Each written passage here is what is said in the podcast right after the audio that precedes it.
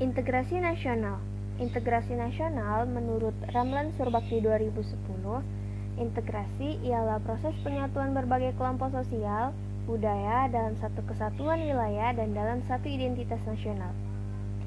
Integrasi nasional sangat penting bagi Indonesia agar terciptanya keselarasan bangsa di tengah-tengah keadaan masyarakat yang berbeda-beda. Selain itu, integrasi nasional sangat diperlukan demi keutuhan negara. Adapun lima pendekatan integrasi nasional yakni satu, Adanya ancaman dari luar. Sampai pada saat ini, Indonesia selalu waspada dan siap senjata jika ada ancaman dari luar. Adapun ancaman militer luar negeri, yaitu bentuk ancaman yang datangnya bersumber dari pihak eksternal atau dari luar negeri, seperti satu, Pelanggaran batas negara yang dilakukan oleh negara lain. dua, Pemberontakan senjata yang dilakukan oleh negara lain. Dan yang ketiga, aksi teror yang dilakukan oleh terorisme internasional. Lalu pendekatan yang kedua, yaitu gaya politik kepemimpinan. Dalam perkembangan Indonesia dijadikan tolak ukur ialah pemimpin. Pemimpin yang baik akan mempengaruhi kemajuan negara. Dengan demikian, kepemimpinan semestinya diletakkan pada cara hubungan sosial yang ditentukan oleh jauh atau dekatnya seseorang pada nilai dasar dari masyarakat politik itu. Yang ketiga, kekuatan lembaga-lembaga politik.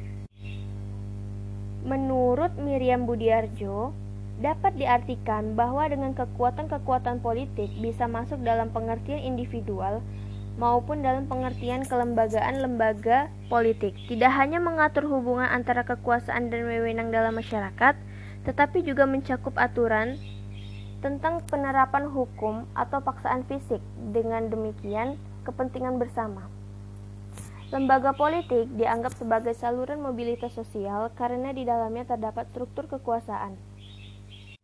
Adapun fungsi kekuatan politik yaitu 1. Keseimbangan dan kekuatan 2. Mempengaruhi kebijakan mulai dari proses pembuatannya sampai jalannya kebijakannya tersebut Ketiga, agregator atau arti kultural kepentingan pendekatan analisa kekuatan politik Pendekatan yang keempat Ideologi nasional Pancasila sebagai ideologi yang dijadikan pegangan untuk mencapai suatu tujuan kebangsaan dalam kehidupan berbangsa dan bernegara.